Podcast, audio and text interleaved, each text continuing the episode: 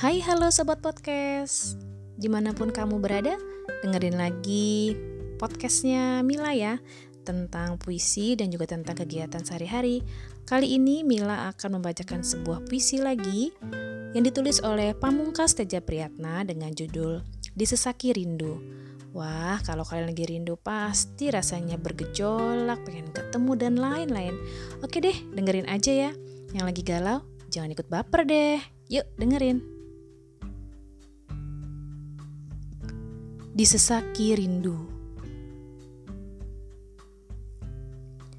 Tentang rindu yang jelas sesak, enggan bergerak. Berbulir air mata pun tak kuasa legakan. Sebab rindu berduri, entah ke mana rasaku harus berlari. Sedang hati telah payah mencari ganti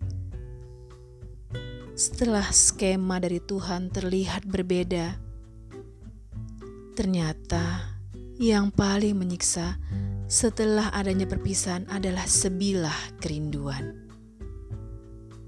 Demikian tadi satu puisi dari Pamungkas Teja Priyatna yang sudah Mila bacakan.